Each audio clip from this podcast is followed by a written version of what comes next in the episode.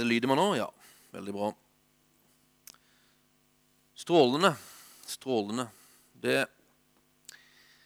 det er herlig det der å ta de her stega ut og begynne å formidle det noe det Gud har vist en. Det er herlig, herlig, herlig, herlig. Korset og forsoningen. Sist gang så prata vi om eh, om eh, Vi begynte å prate om de her ulike motivene for, eh, for hva korset innebærer.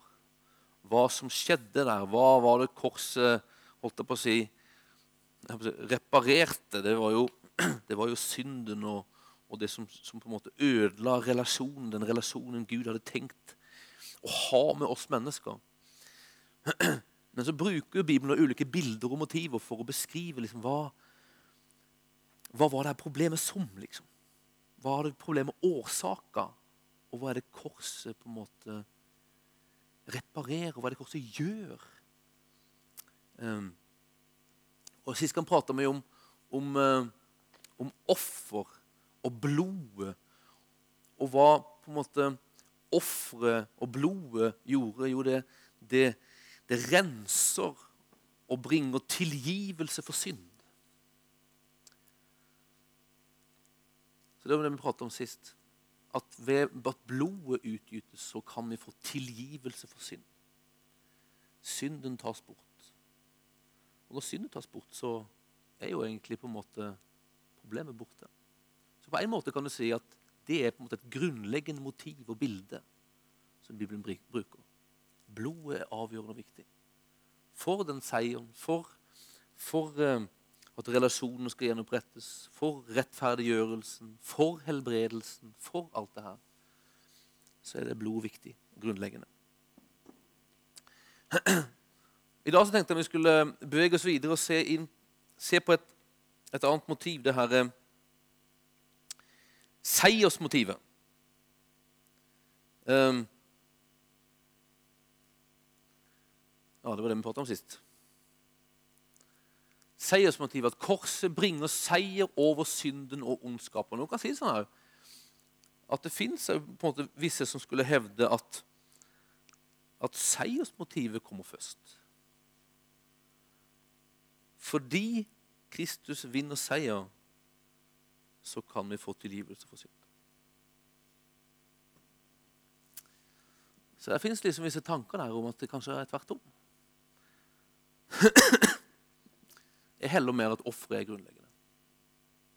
Men det fins et, eh, en tanke på en måte om at Kristus vant seier over djevelen. Og gjennom det så kunne bl.a. tilgivelse gis. Kristus kunne dele ut på en måte tilgivelsen fordi seieren var vunnet over djevelen, som hadde hatt makten og retten over mennesket fra, fra gammelt av på en måte i kirkas historie så hadde man en slags tanke på forsoningen som handla om Kristus victor. Det betyr Kristus er seierherren. Korset er seiersstedet. Og Det er på en måte det er vel begrunna i Det gamle testamentet. for Det er det første på en måte som, som vi ser den første profetien om at, eh, at syndeproblemet skal løses. Det handler om at kvinnens avkom skal knuse slangen. Seire over slangen. Beseire slangen. Og Salme 110, som er faktisk Nytestamentets mest siterte skriftsted Jeg snek seg litt svensk der. Der sier 'Herren sier til min Herre'. Er ikke det et ganske spesielt skriftsted i Det gamle testamentet? Det er på en måte før det her med treenigheten kommer inn i bildet der Gud er én, så prates det om en 'Herren sier til min Herre'. Dette er på en måte en profeti der far taler til sønn. Så det er en sånn, der, eh, sånn treenighetsgreie liksom, i Det gamle testamentet allerede. Sett deg ved min høyre hånd til jeg får lagt dine fiender som skammel for dine føtter. Det er et seiersbilde. Det er en triumf som skal skje her nå. Så det, det her er på en måte, Og så tenkte man seg da, hvordan gikk det her så til?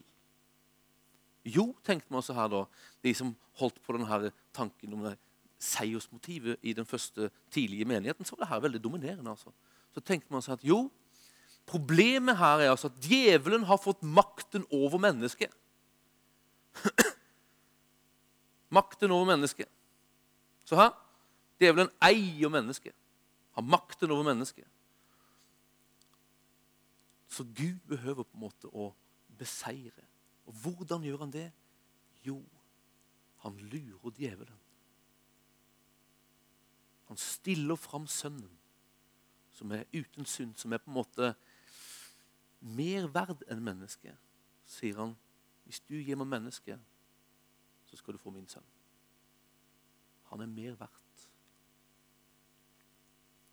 Og så tenker man seg at djevelen gikk på og sa OK. Det fins skriftstøtte for det, her, for det står at hvis djevelen hadde visst hvem eller hva konsekvensen av å korsfeste herlighetens herre, så hadde han ikke gjort det. Står det noe sånt? Det som skjedde, det at djevelen tror han på en måte får det som er mer verdt, når han får liksom Guds sønn. Så han går med på dealen med Gud. Og så, og så, og så, og så får han sønnen, og så, tar han liksom livet av sønnen. Men så er det bare det at sønnen er uten synd. Så døden kan ikke holde på ham. Så han går glister liksom sønnen, og så står han der beseira. Avvæpna og triumfert over. Jeg vet ikke om det. Har dere sett Narnia? Drømmen om Narnia. Den herre Heksen og løven, er det den heter den første? Klesskapet. Det her er nemlig Narnia-motivet. Akkurat det her bildet som jeg beskrev nå, det er Narnia-motivet. Vet ikke om dere husker denne, eh, den her onde heksa som hadde tatt kontroll over Narnia og lagt Narnia under en forbannelse. Det var alltid vinter der. Husker dere det? Her så vi når vi var små, i den dårlige TV-serien. Nå har de gjort noen bra filmer, men jeg husker den dårlige TV-serien. Kanskje ikke Miriam. men vi som er litt eldre, husker den gikk alltid i jula. Har du sett Narnia? Mm. For det som skjer der, da eh, Så, så, så, eh, så er det jo den herre Edmund, vet du. Han menneskesønnen Edmund. Som jo er så glad i godteri og, og blir liksom forført av denne heksa. Det er jo fire barn som er i Narnia, og så blir Edmund forført. Og så er det som at han på en måte forråder de andre og så går han liksom på heksas parti. Og Så innser jo Edmund hvilken liksom, heks hun er, og, og liksom stikker derfra vel og kommer til de andre. Og så er alle fire de her barna hos den her Aslan, løven, som er den rettmessige herskeren av Narnia. Og Så kommer heksa til Aslan, og så konfronterer heksa Aslan og sier at, eh, at eh, det fins en uh, magi som råder. Og du vet, sier hun til Aslan, at hver forræder tilhører meg som min rettmessige eiendom. At hver forræder hvert forræderi gir meg rett til å ta livet av den som forråder. Det er nedlagt i liksom Narnia fra begynnelsen, sier hun. Og Derfor, sier heksa, så er denne Edmund min. Hans liv er i mine hender, og hans blod er min eiendom. C.S. Lewis har et sånt bilde av tilværelsen som de første kirker hadde. Pga. menneskets liksom, forræderi mot Gud, så eier djevelen mennesket. Så Her maler han opp akkurat dette bildet, altså det her seiersmotivet. Problemet her i Narnia ligger ikke hos Aslan. Altså, Aslan henger jo gjerne med Edmund. Men problemet er at djevelen har rett og makt over Edmund.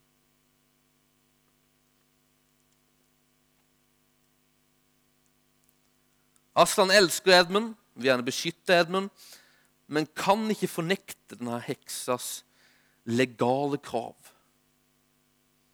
Denne magien som på en måte er lagt over Narnia fra begynnelsen, beskriver at forrædere tilhører heksa. Det som er overført til, til, liksom, til, til denne verden, så skulle det være så her at fra begynnelsen så finnes det syndens lønn er døden. Synderen tilhører djevelen, slangen. Men i Narnia så er det sånn at Edmund han slipper henne. De går jo inn i det teltet, husker du det? Og Så kommer, kommer Aslan ut med heksa og sier hun har fratrådt sitt krav. Og Alle jubler glade og tror at alt er løst, men i virkeligheten så har Aslan tilbudt seg sjøl. Og kvinnen, eller heksa, hun går med på det.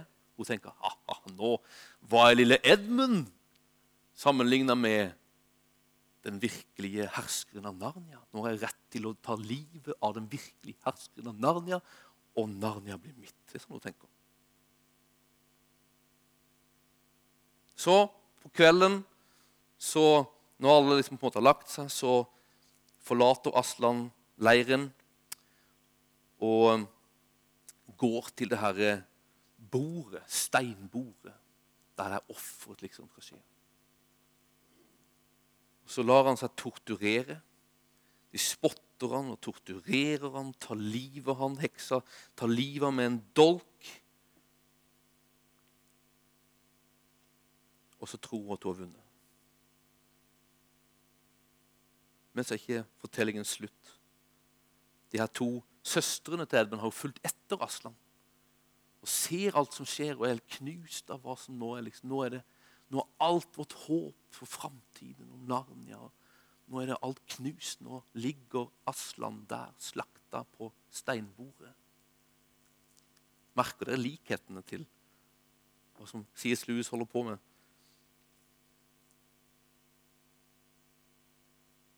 Så står de der, og så begynner de å gå bort, og så hører de bare, og så kjenner de det rister, jordskjelvet, og så snur de seg, og så er steinbordet delt i to. Og plutselig så dukker Aslan opp bakfra og står der som gjenoppstått. Og så forteller Aslan hva det er som heksa ikke kjente til. Jo, det fins en magi, sier han, som går enda dypere enn det heksa kjente til. Hennes kunnskap, står det, sier de, går nemlig bare tilbake til tidens begynnelse. Men å kunne se litt lengre tilbake, inn i stillheten og mørket, står det. Før tidens begynnelse så har du kjent til en annen sannhet. Og hadde kjent til at om et villig offer som ikke hadde begått forræderi, ble drept i forræderens sted, så skulle steinbordet knekkes, og sjøle døden skulle gå tilbake.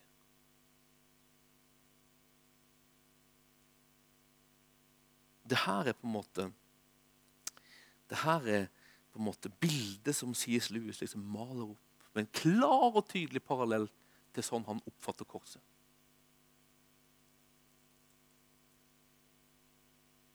Dette er kraften i den selvoppofrede kjærligheten og gjennom den å ofre sitt liv i kjærlighet, så overvinner Aslan døden. Overvinner den herre fordømmelsen, grepet, makten, herreveldet som heksa holder imot Edmund og alle forrædere. Og gjennom å gjøre det her, så befrir han Narnias innbyggere fra hennes djevelske grep en gang for alle. Døden begynner å gå i retur når det her selv oppofrende offeret, skjer. Og det blir triumfen. Ser dere her at det er litt annet bilde enn, enn at på en måte enn det her offerbildet? For C.S. Lewis er ikke problemet at Gud har problemer med synd. men at djevelen har makt. Så problemet er ikke at mennesket har synd. Problemet det er jo det. Men problemet er at djevelen har fått makten. Og det er det Gud behøver å gjøre noe med. Og triumferer over det. Ved at han helt enkelt lokker djevelen i en felle. Man kan argumentere sånn. Det fins tydelig liksom det her Seiersmotivet fins liksom tydelig i Skriften. Og det henvises til det gang på gang på gang på gang. En kjent fortelling. Når Jesus helbreder Når Jesus helbreder den herre månesyke gutten Er det det på norsk? Lukas 11, så forklarer han der hva er det nå som har skjedd. Hvorfor blir denne gutten helbreda?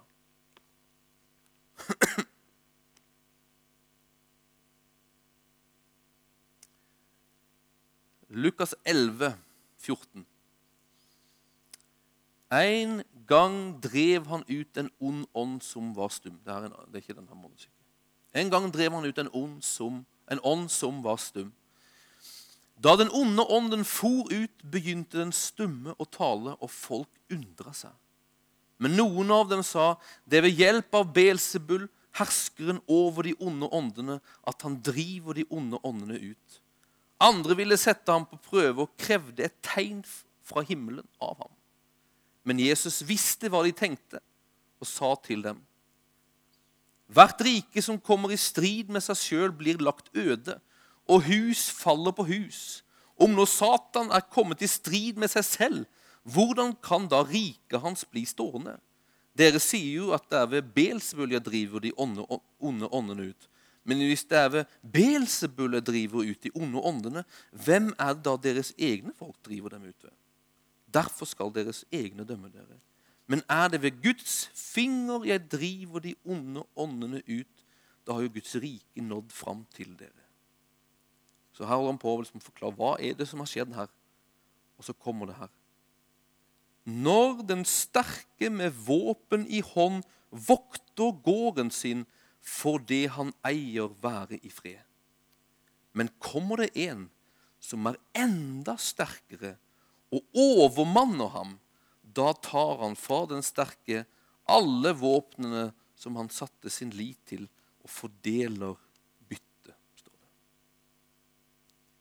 Jesus forklarer hva er det som har skjedd. Hva er årsaken? Hva er på en måte den åndelige virkeligheten bak det underet som skjer? Jo, det er at den som er enda sterkere, det han det.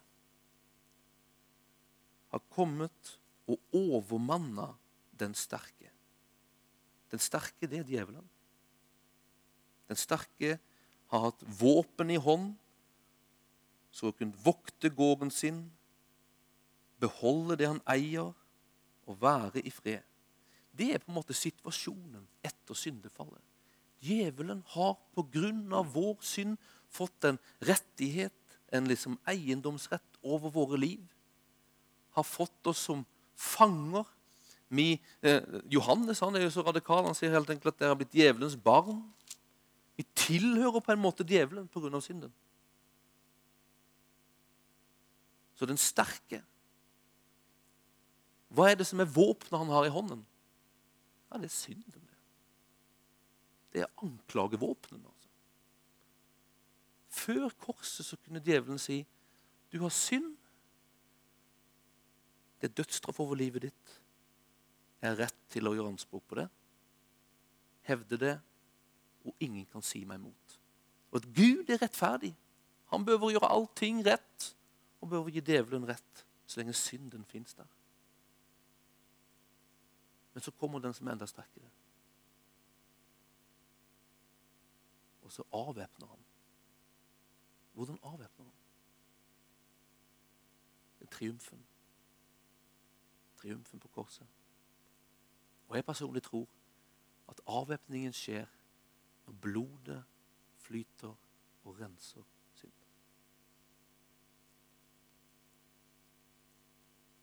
Det er triumfen. Triumfen. Så synden er borte. Hva skjer da når Remi legger sine hender på offerlammet Kristus?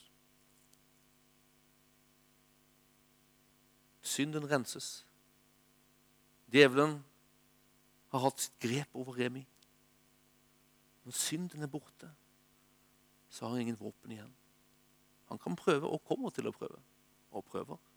Fordømmelse, fordømmelse, fordømmelse, anklage, anklage, anklage. I Romerbrevet 8 så sier Paulus at hvem er den som anklager? Og det er mange som anklager. Vi anklager oss. Djevelen anklager oss. Andre mennesker anklager oss. Men Gud er den som frikjenner. Hvem er den som fordømmer? sier. Kristus er den som har dødd. Det er Guds svar på en måte på, på liksom djevelens anklage. Helt fram til korset. Ja, du har rett. De tilhører du. Men gjennom korset, på grunn av korset, så er djevelen avvæpna. Bundet. Og så har den enda sterkere kommet for å fordele byttet, står det. Det er betale tilbake igjen. Det er det vi prater om. altså Frelse handler om å bli redda fra en situasjon, men òg på en måte legedom for det den tidligere situasjonen har årsaka i livet vårt. Hva er det synden har årsaka i livet vårt?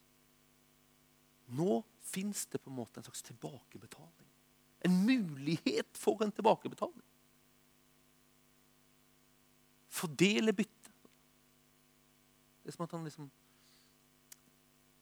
Han liksom er der inne, binder den sterke, og så løser han ut, liksom. Kom, kom, kom, nå er du fri. Og så er det som at alt liksom som djevelen har på en måte tatt fra oss, på en måte, stjålet fra oss Nå er det som at nå er det liksom, tar han det byttet, Jesus, og så er det liksom Ut fra han så strømmer på en måte det vi har blitt fratatt pga. synden. Skjønner dere bildet? Så triumfen. Når Jesus beskriver årsaken til den helbredelse som skjer, så er det fordi djevelen er bundet. Korset er en triumf. Korset er en triumf.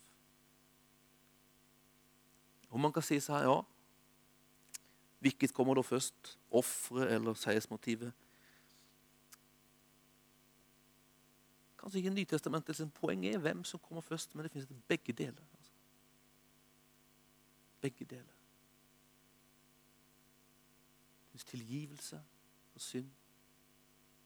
Det finnes en triumf over djevelen.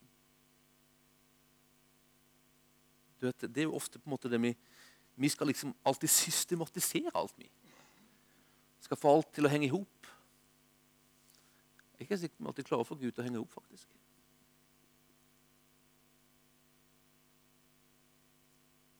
C.S. Lewis mente at triumfen var først. Når triumf var vunnet, så kunne tilgivelsen gis. Andre mener tilgivelsen gis. Det innebærer en triumf. Jeg tror de siste har rett. Men av og til så henger man seg opp i sånne ting. Og så blir det så utrolig viktig for oss. Altså. Viktigere enn det som virker som det er for Bibelen. For I Bibelen fins det begge deler. Altså. Finnes det begge deler. Det står ikke nøyaktig hvordan den triumfen gikk til. altså. Det står bare at den skjedde på korset. Og så begynner de å finne på ting da, at ja, da var på en måte Jesus utkledd nesten som en fiskeagn. Så djevelen trodde han fikk liksom Gud på kroken. Han fikk Guds sønn på kroken. Han kunne liksom sluke han som en fisk sluker sitt bytte. Nå har jeg det. Jeg tar gjerne det, slipp, gjerne slipp på de så lenge jeg kan sluke du. Det var på en måte det, det heksa i Narnia liksom gjorde. Men i virkeligheten, sa de her i den første kirka, så fantes det inni det her liksom lokket bete Kristus en krok. Nemlig hans syndfrihet. Som gjorde til virkeligheten så gikk djevelen på, liksom.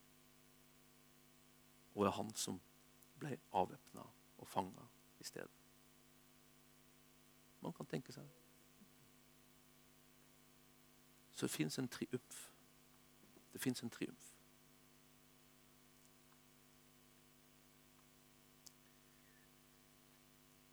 Seiersmotivet. Det er Det er veldig utbredt i Det nye testamentet å peke på det her seiersmotivet. Som jeg sa, Salme 110 det, det er Nytestamentets mest siterte skriftsted. Og på pinsedag, når Peter preker, så er det Salme 110 han siterer. Gå til eh, Apostlenes gjerninger 2. Det er pinsedag, det.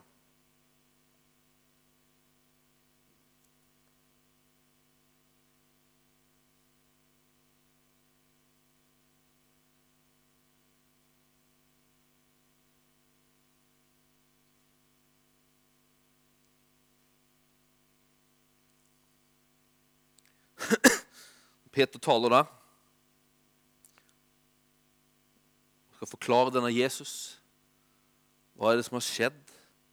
Hva er spesielt med han? Fra vers 32 så sier han denne Jesus har Gud reist opp. Det er vi alle vitner om. Han ble opphøyd til Guds høyre hånd og mottok fra sin far Den hellige ånd, som var lovet oss. Og den har han nå øst ut, slik dere ser og hører. For David for ikke opp til himmelen. Han sier jo selv, Herren sa til min herre, sett deg ved min høyre hånd, til jeg får lagt dine fiender som skammel for dine føtter. Så skal hele Israels folk vite for visst, denne Jesus som dere har korsfestet, ham har Gud gjort til både Herre og Messias. Altså han er oppløfta. Han har triumfert.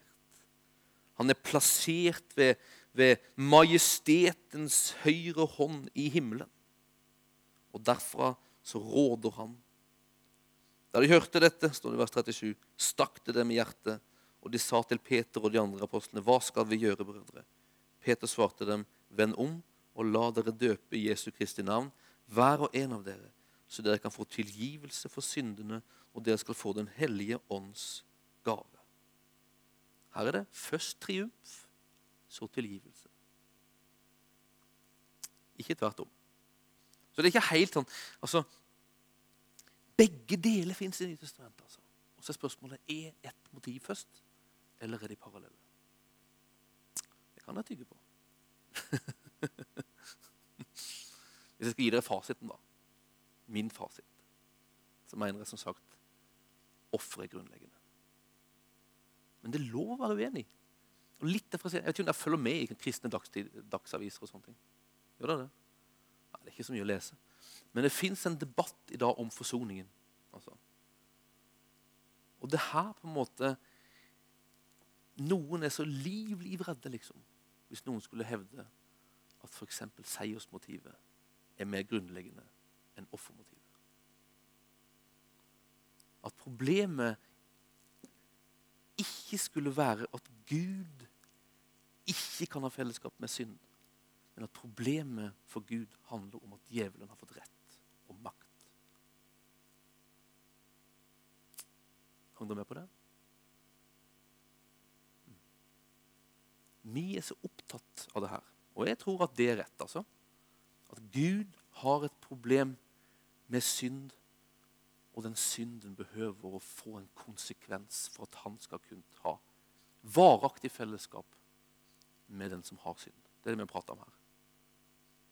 Men det her C.S. Lewis skulle si seg nei. Aslan han henger gjerne med Edmund. Det er ikke problemet som Gud har. Problemet til Gud er at djevelen har fått eierrett over mennesket. Så djevelen behøver deales med. Den der faktoren bør deales med. Så spørsmålet på en måte da Er det et enten-eller? Eller et både-og? Altså jeg tenker bare liksom, Vær litt overbærende med de her hvis dere setter dere inn i de her debattene. For Begge deler fins i Skriften. altså. Begge deler fins i Skriften. Det, er utrolig tydelig gjennom hele Skriften at Gud, han kjemper mot synden. Han kjemper mot synden. Han kjemper over de destruktive kreftene. De som på en måte eh, har fått liksom makt og herrevelde over hans dyrebare skapning. Han kjemper mot synden. Strider mot synden. Vet, krigene i Det gamle testamentet er Guds oppgjør med synden og maktene bak. Når det beskrives liksom at Gud, Gud sender ut Israel, så så er det en slags parallell åndelig strid. altså. Eksempel i Dommerboken 11.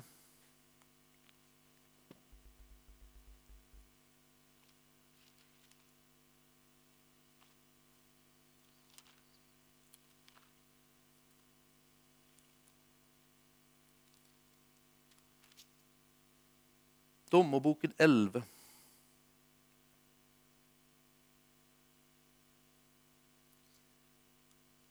Vers 21. Men Herren Israels Gud ga Sion og hele hæren hans i hendene på Israel, og de slo dem. Så inntok Israel hele landet til amorittene som bodde der. Hele amorittenes område inntok de fra Arnon til Jabbok og fra ørkenen til Jordan. Det er Herren Israels Gud som har drevet amorittene bort og gitt landet til sitt folk Israel. Og nå vil du drive dem bort. Er det ikke slik at det din Gud Kemos lar deg innta, det inntar du, mens alt det Herren vår Gud lar oss innta, det inntar vi? Så sånn Parallelt med liksom den fysiske striden så fins det liksom en strid mellom gudene. nærmest. Altså. Gud strider for sitt folk, og så fins det en tanke om at de her andre folkers Gud strider for dem.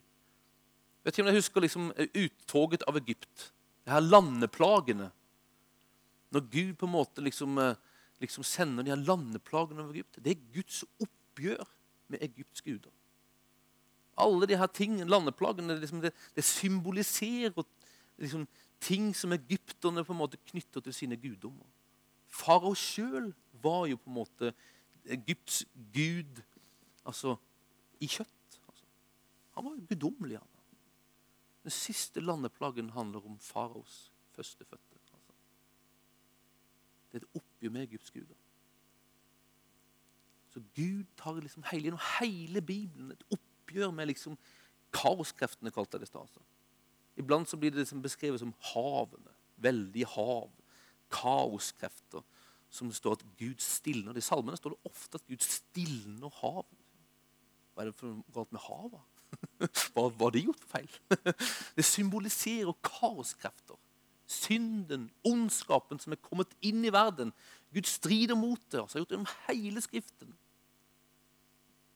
For at en dag endelig triumfere over dem på korset. Det som vi pratet sist om, at det finnes liksom i, i det her tempelsystemet med ofrene så finnes det et forbilde på, på Jesus som Guds offerlam. Men det fins gjennom hele Bibelen. Striden. Stridsbildet. Gud strider mot de her kreftene. Som et slags forbilde mot den endelige, avgjørende striden på korset. Triumfen. Triumfen. Og Så bruker Paulus det fantastiske bildet fra Kolossebrevet kapittel 2 om triumfen. Og Som vi prata litt om første gangen, så, så, er jo det her med triumfen en sånn bilde som Paulus henter fra den romerske verden, som han jo var en del av at han triumferer. Eller, eller eh, Vi leser derfra vers 15, så står det i Kolossebrevet 2. Ja, Vi kan lese fra vers 13. Dere var døde pga. misgjerningene og deres uomskårne kjøtt og blod. Men han gjorde dere levende sammen med Kristus da han tilga oss alle våre misgjerninger. Gjeldsbrevet mot oss slettet han, det som var skrevet med lovbud. Han tok det bort fra oss da han naglet det til korset. Han kledde maktene og åndskreftene nakne og stilte dem fram til spott og spe da han viste seg som seierherre over dem på korset. Det er rekkefølgen motsatt, ser dere? Først offeret, som innebærer triumf.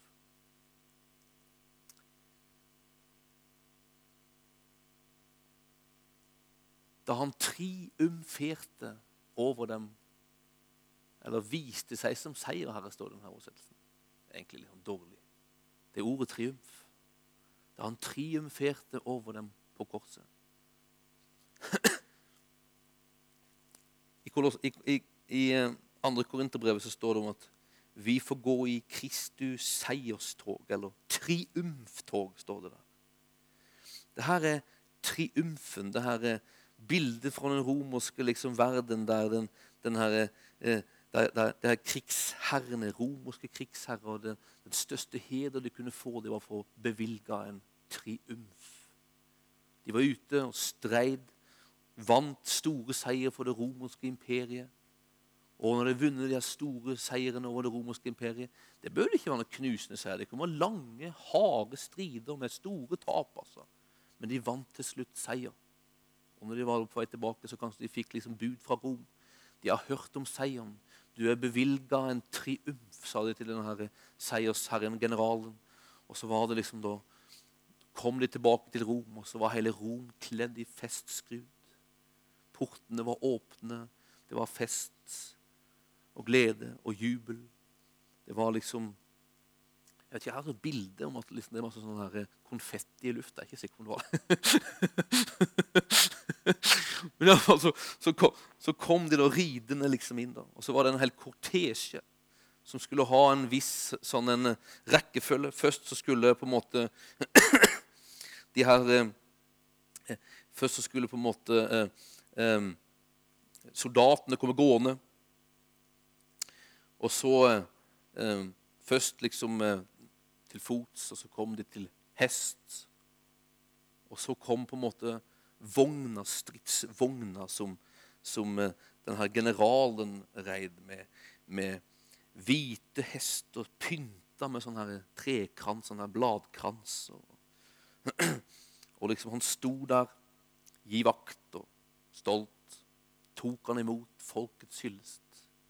Han hadde en slave som gikk, satt som sto ved sida av og hadde én oppgave. Det var å si 'husk at du er menneske'. Husk at du skal dø. det var Hindre all hovmod. Og så, og så etter på en måte de her vognene, denne her vogna som, som seiersherren sto i, så, så leide de de her generalene, de viktige personene fra den hæren de hadde beseira. Sparte de noen av de, og så førte de de gjennom Roms gater helt avkledd. Sånn at de kunne ydmyke dem, vise dem fram som fullstendig knust. Og Ofte så gikk den kortesjen gjennom Rom, ut på andre sida, til et henrettelsessted der de tok livet av det. En triumf. Hele hensikten var på en måte bare å demonstrere hvilken enorm liksom, seier som denne seierherren hadde vunnet, og hvilket nederlag som fiende, hæren, hadde lidd. Og så var det liksom ut til stedet der det var slutt. Og Det er på en måte bildet altså, som Paulus bruker om korset. Korset er triumfen. Kristus er seierherren himmelen etter triumfen er liksom åpen, på en måte. Altså. Det er jubel. Djevelen er beseira, triumfert over. I virkeligheten så, så er han bunden. Den enda sterkere har kommet og bundet den sterke. Og djevelen er bunden og føres si, gjennom denne tiden mot stedet der han skal få sitt slutt. Mot ildsjøen, kan man si seg, i bibelsk perspektiv.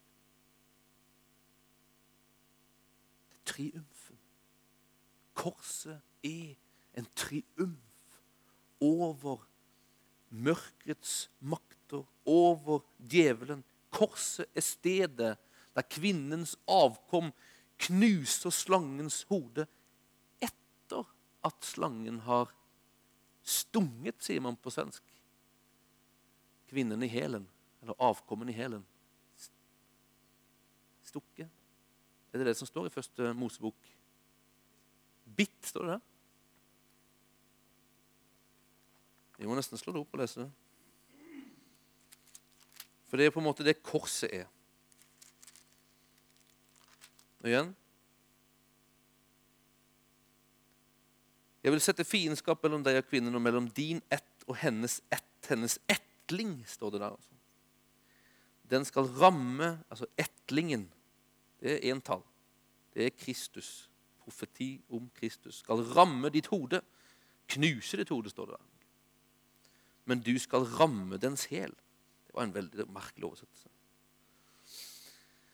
Du skal ramme dens hæl, står det her. Ja.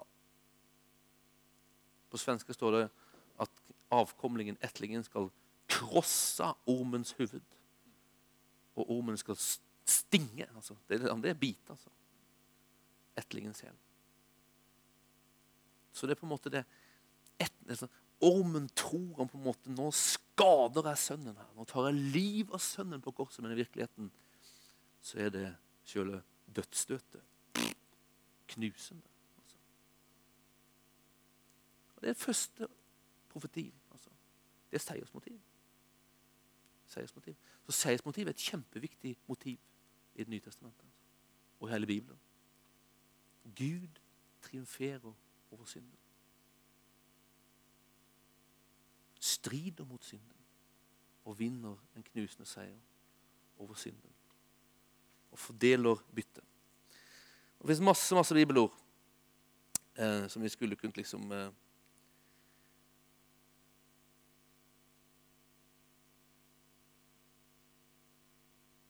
ramse, men det skal vi ikke gjøre. Der har dere et bibelsk argument for det her motivet. Korset som triumf. Som triumf det viktigste motivet i den tidlige kirka. Det viktigste motivet ifølge C.S. Lewis. Et kjempeviktig motiv ifølge Vidar Rød. Ett av mange. Et av mange. Jeg tror at Kolosserbrevet er nøkkel. Der det står triumfen skjer ved at synden tas bort. Blodet utgytes, synden tas bort, og da, tar, da tas gjeldsbrevet bort skyldebrev. Når skyldebrevet er borte, så er anklageretten borte. Og våpnen borte. Så djevelen er avvæpna, triumfert over, på grunn av det stinget som djevelen ga Jesus på korset.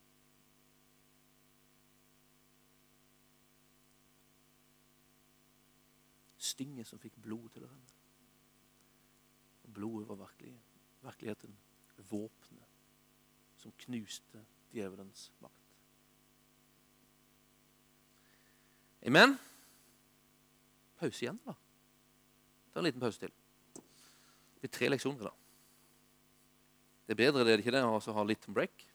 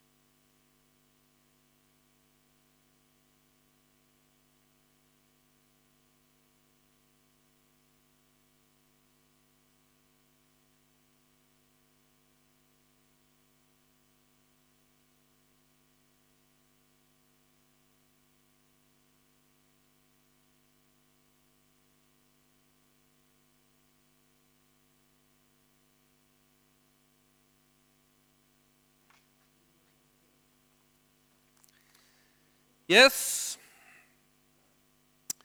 Da går vi videre. Over til relasjonsmotivet, altså motivet som er henta fra relasjonslivet. Og det er jo korset altså gjenoppretter relasjon med Gud. Korset gjenoppretter relasjon med Gud. Dette er på en måte der Gud var i Kristus og forsonte oss med seg selv og ga oss forsoningens tjeneste. Det begrepet der, forsoning, det handler om gjenopprettelse av relasjon.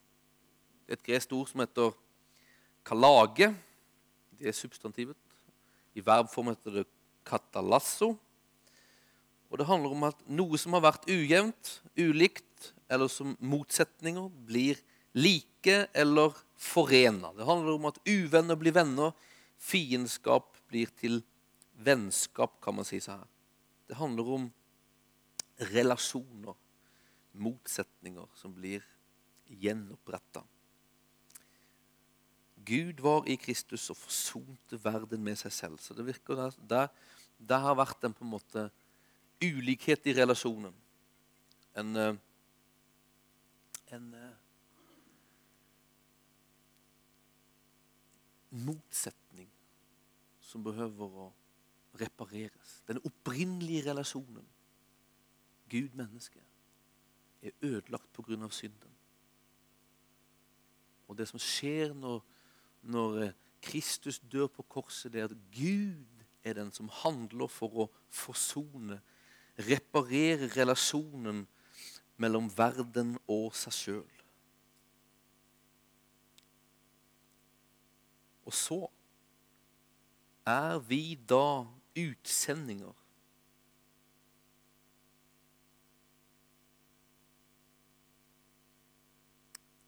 står vers 19. Han betrodde budskapet om forsoningen til oss. Så er vi da utsendinger for Kristus, og det er Gud selv som formaner gjennom oss. Vi ber dere på Kristi vegne, la dere forsone med Gud. Vi har forsoningens tjeneste, står det på svensk forsoningens tjeneste. Vi er kalt til forsoningsbransjen. Forsoningsbransjen. Grunnen for all form for forsoning egentlig ligger i korset. Ut fra korset så er vi òg på en måte en del av vår forsoningstjeneste. Handler om å tilgi. Det handler om medmenneskelige relasjoner og forsoning. Gud er en forsoner. Derfor er oppmaningen til oss forson dere med hverandre. Forson dere med hverandre.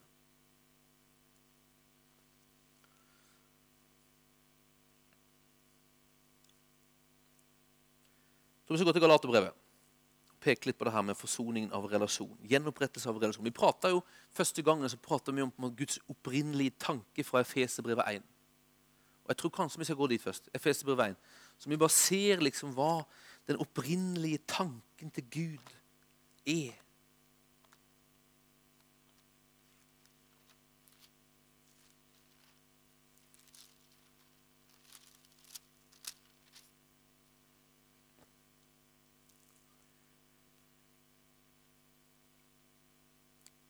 Efeserbrevet 1,4.: I Kristus utvalgte han oss før verdens grunnlov ble lagt, til å stå for hans ansikt hellige og uten feil.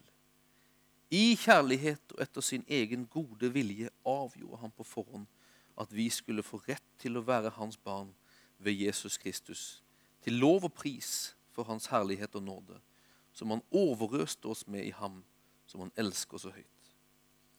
Så før verdens grunnvoll ble lagt, så hadde Gud en hensikt med våre liv.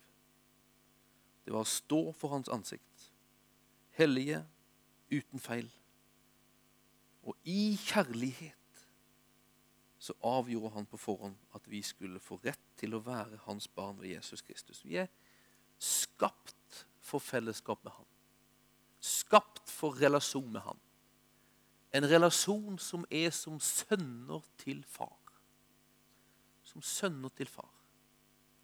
Få rett til å være hans barn ved Jesus Kristus, står det her.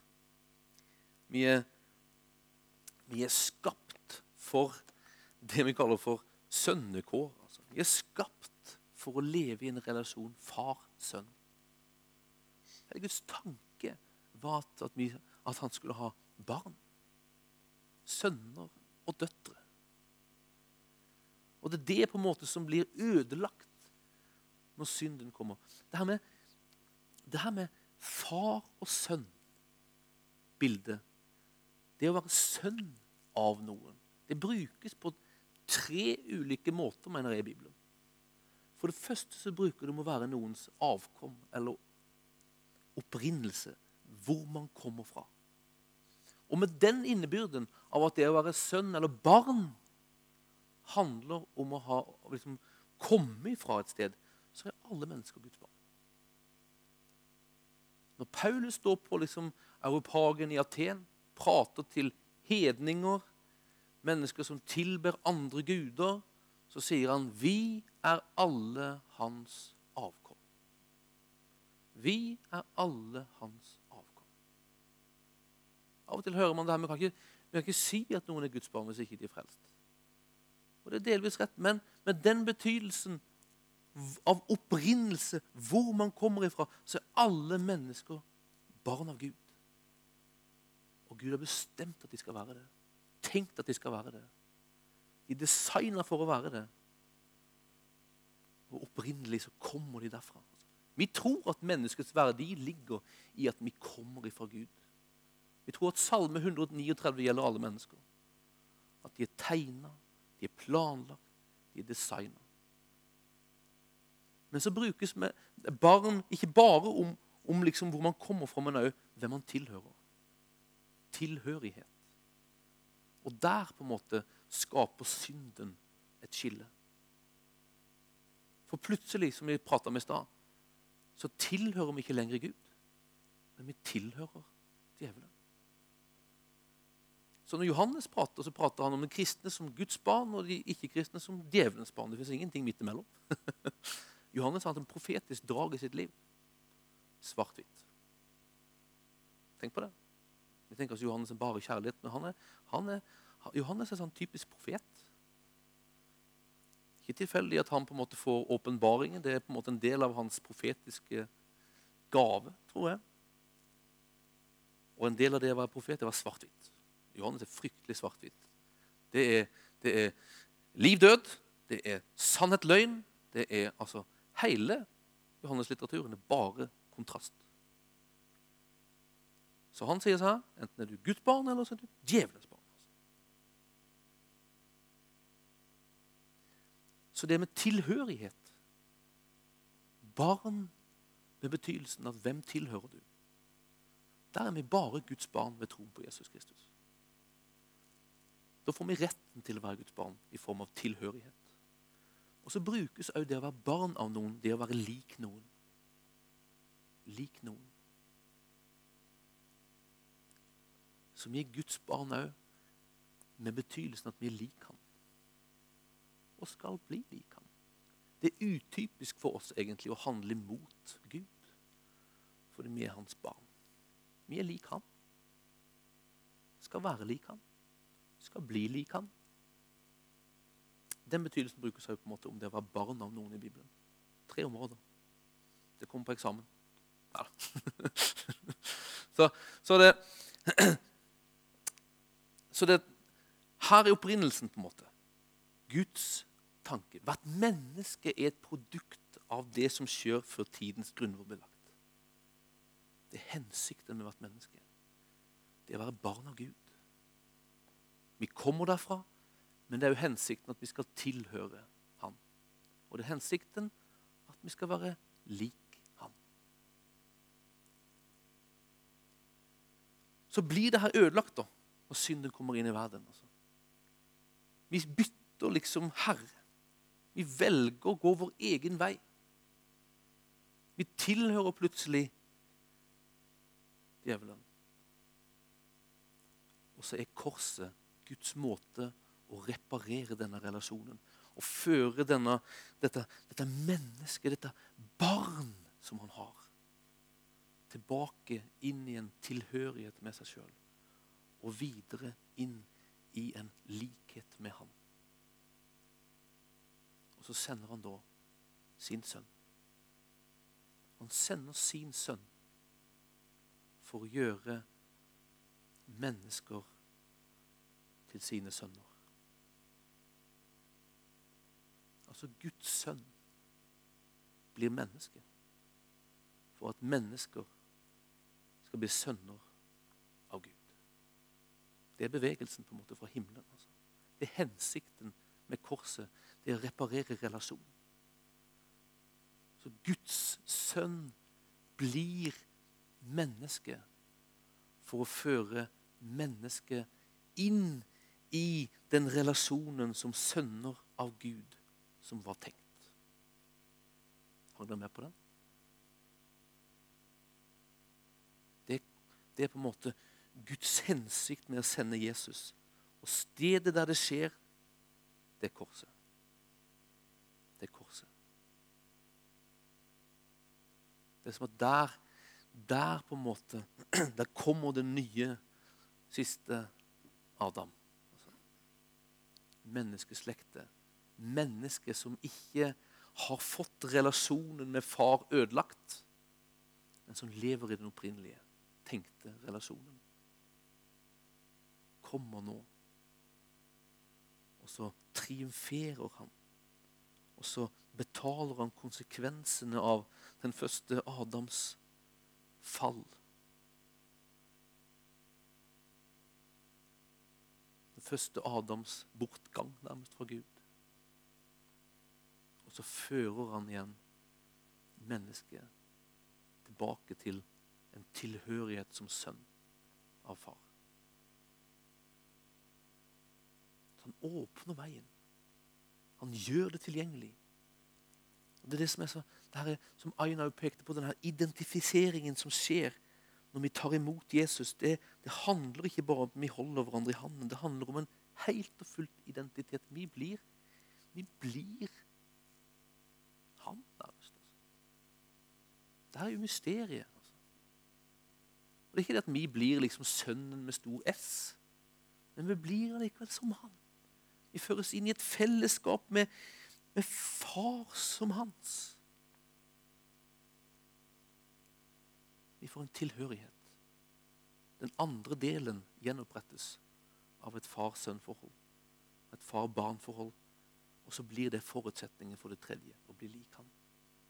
Paulus prater om det.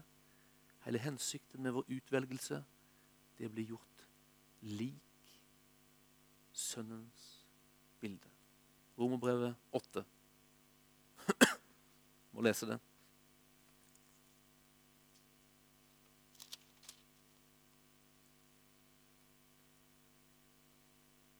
Dem som han på forhånd har vedkjent seg, har han også på forhånd bestemt til å bli formet etter sin sønns bilde, så han skal være den førstefødte blant mange søsken. Så vi blir liksom søsken til Jesus. Vi blir sønner som han, på en måte, uten at vi blir plutselig den andre personen i guddommen. Men relasjonen identifiseringen skjer.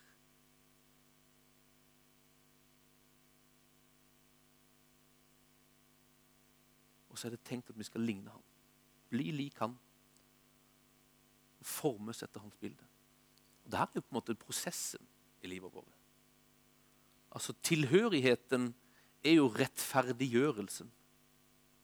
Det skjer i et nu at vi får en gjenoppretta relasjon med Gud.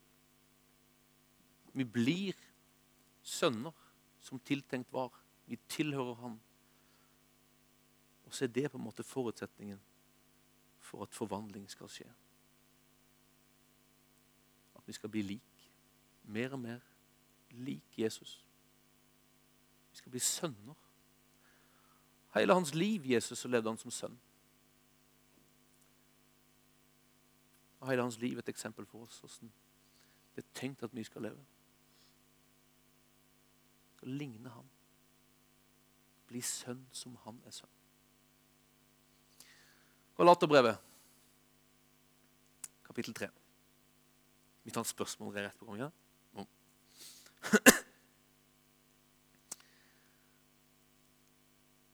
Galaterbrevet 3. For dere er alle Guds barn ved troen i Kristus Jesus. Der står det 'Guds sønner' på gresk. Alle dere som er døpt til Kristus, har kledd dere i Kristus. Her er ikke jøde eller greker, her er ikke slave eller fri, her er ikke mann og kvinne. Dere er alle én. Det betyr én identitet som sønner i Kristus Jesus. Og hører dere Kristus til, er dere Abrahams ett og arvinger etter løftet. Så vi er Guds sønner ved troen på Jesus Kristus. Vi har fått en tilhørighet. Vet, I Kristus Jesus er det det som gjelder egentlig både, både mann og kvinne, både jøder og greker, både slaver og frie. Det er å være sønn. Så egentlig så, Vi bruker å si sønner og døtre, men det står sønner. Au om dere døtre. Det handler ikke om kjønnssituasjon, det handler om en posisjon. altså. Så fortsetter vi. Du vet, Kapittelinndelingen det er sånn senere påfunn. Det er bare å fortsette det her i kapittel 4. La meg forklare dette, sier Paulus. Så lenge en arving er umyndig, står han likt med en slave, enda han eier alt. Han står under formyndere og forvaltere helt til den tiden hans far har fastsatt. Slik er det òg med oss. Da vi var umyndige, var vi slaver under grunnkreftene i verden. Men i tidens fylde sendte Gud sin sønn, født av en kvinne og født under loven. Han skulle kjøpe fri dem som sto under loven, så vi kunne få retten til å være Guds barn. Fordi dere er barn, har Gud sendt sin sønns ånd inn i våre hjerter, og ånden roper 'Abba, far'. Derfor er du ikke lenger slave, men sønn. Og er du sønn, er du også arving, innsatt av Gud, står det her.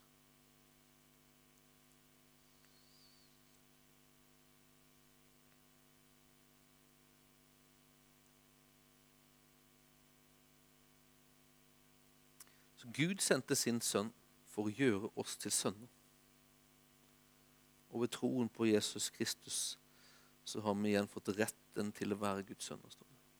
Han ble sendt for å kjøpe oss fri. Han ble sendt for å løse liksom det som hindrer relasjonen, som begrenser relasjonen, som ødela relasjonen, den opprinnelig tenkte relasjonen av at vi skulle være barn, sønner av Gud.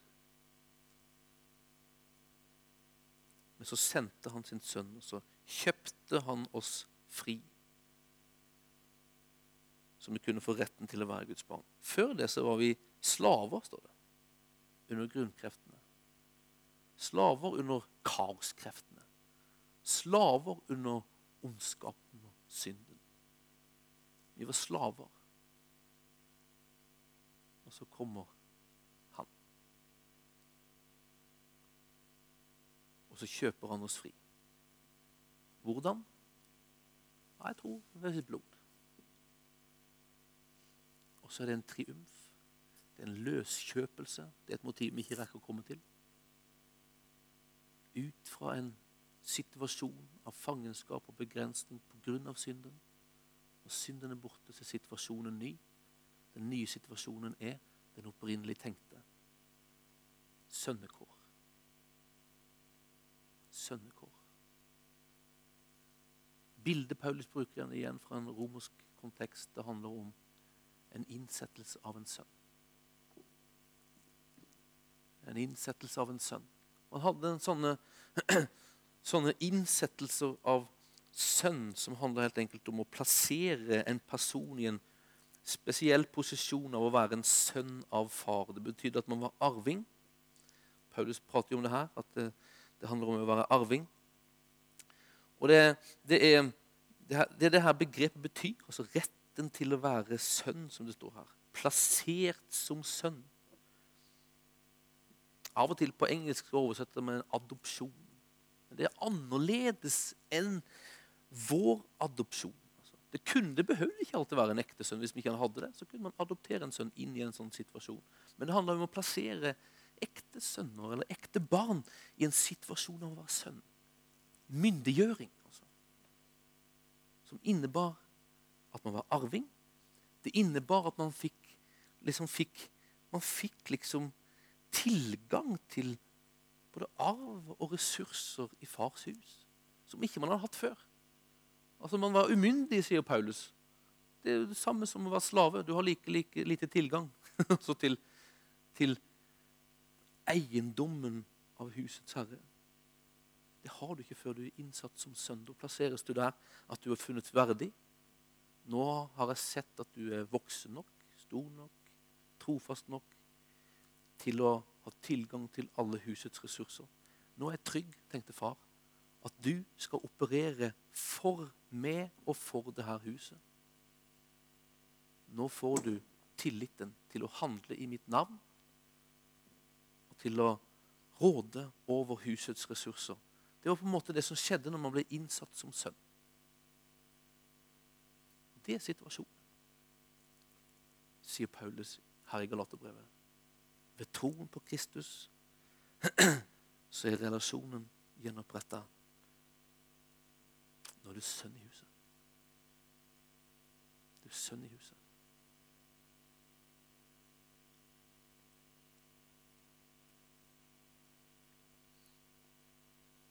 Situasjonen av å være farløs er over.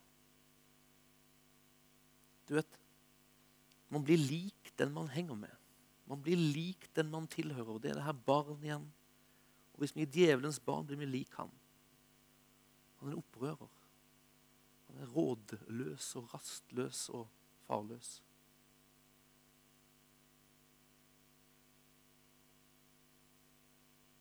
Men når vi kommer inn i fellesskapet med Kristus, så blir man lik han. Han er sønn. Han er sønn. Et sønnehjerte. Hva er et sønnehjerte? Hvordan ser et sønnehjerte ut? Det er et hedrende hjerte. Når Jesus vandrer på jorden, så demonstrerer han et sønnehjerte. Jeg gjør bare det jeg ser min far gjøre. Jeg sier bare det jeg hører min far si. Det er sønnehjerte. Jeg vil fremme min far. Jeg vil hedre min far.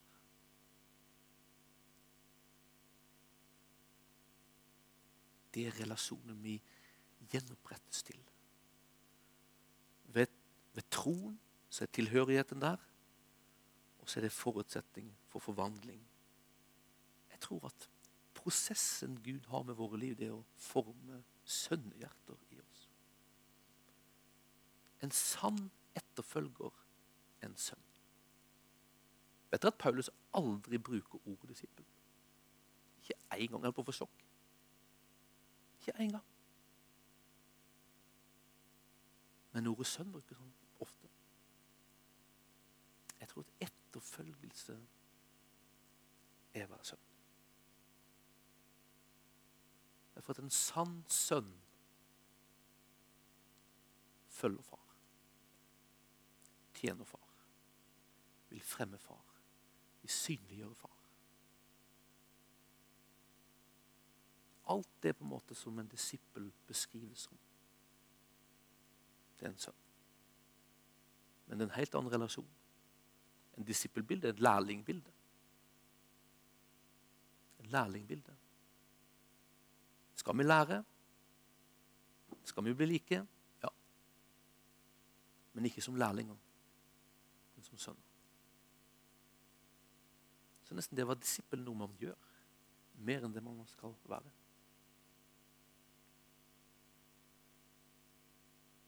Det er som at eh, Miriam er lærling til Karin Renate.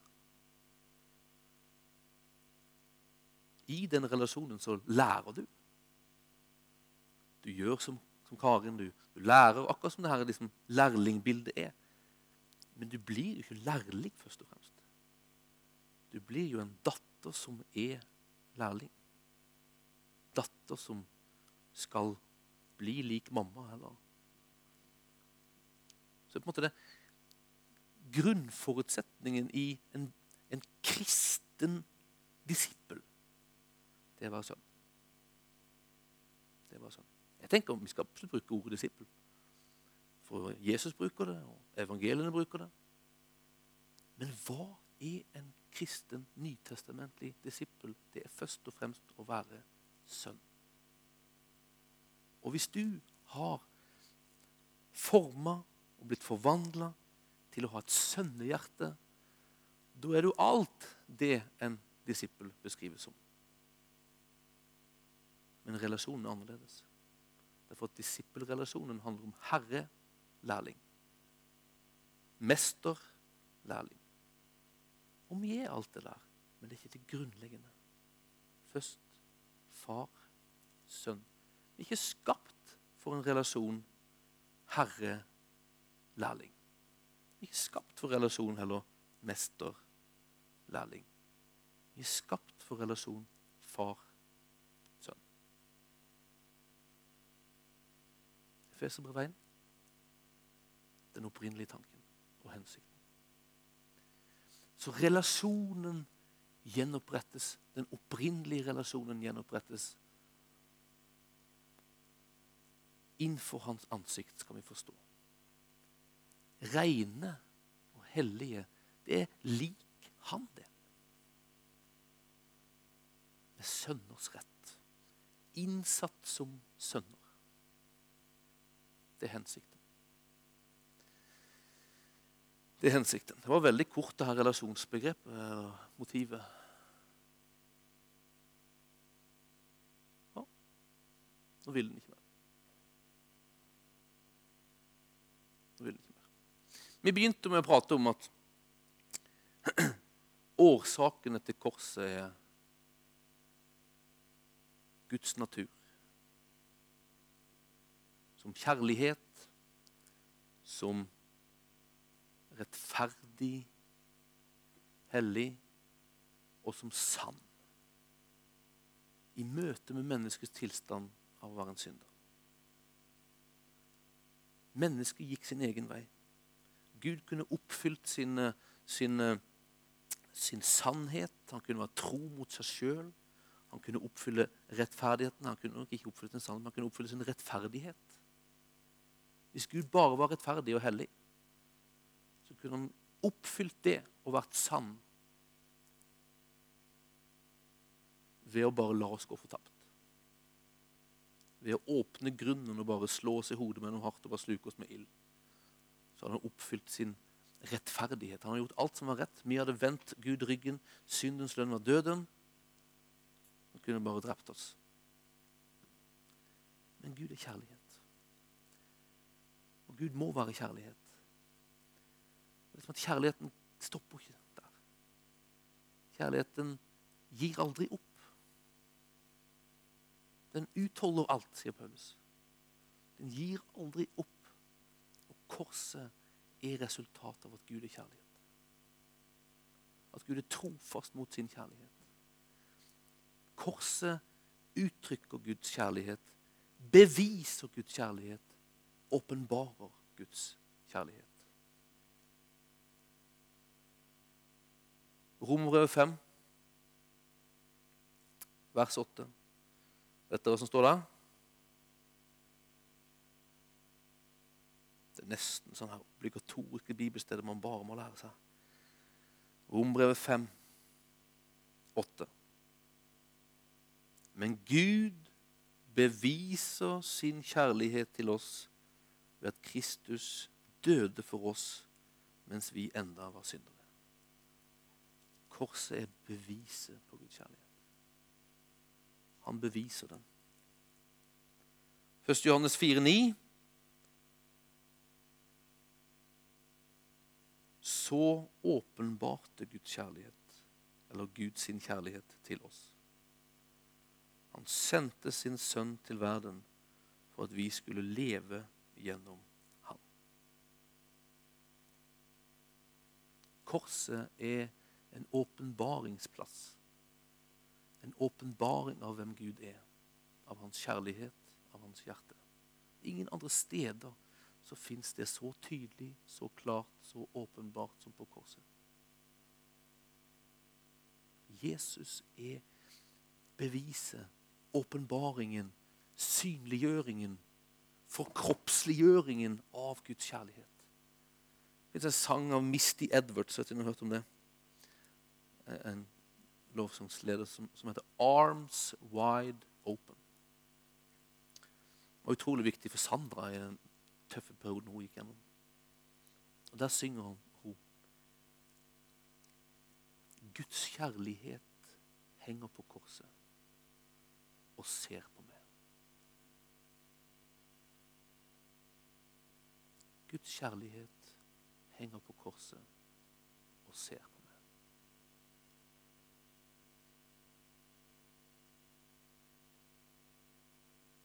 Det er korset, altså. Det er et signal fra Gud at jeg elsker deg. Vil ha med deg å gjøre. Armene mine åpne. Kom.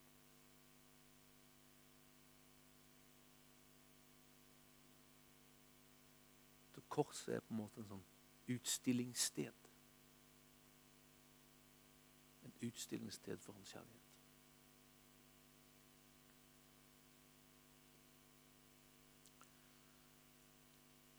Så det å se Kristus som korsester, det å holde på med korset, fokusere på korset, studere korset Jeg tror det er utrolig viktig for oss for å få tak på hvem Gud er, hva han vil, og hva han har gjort for oss. Hvilke muligheter vi har, hvilket liv vi er kalt til. Hvilken hensikt som hviler over oss. Det blir synlig, det blir klart når vi får tak på korset. En av teologen vi pratet om første gangen, sa, han, han sa Hvis vi forstår korset, forstår vi Bibelen. En annen sa hvis du ikke får tak på læren om korset, det som skjer på korset, så får du egentlig ikke tak på noe. Altså, det handler om det. Å få tak på det. Det er så grunnleggende og så viktig for oss. Derfor korset. Derfor kan jeg gå hjem og så kan jeg høre på alt det her en gang til. En gang til. En gang til. Men det her er utrolig grunnleggende og viktig. Utrolig grunnleggende og viktig.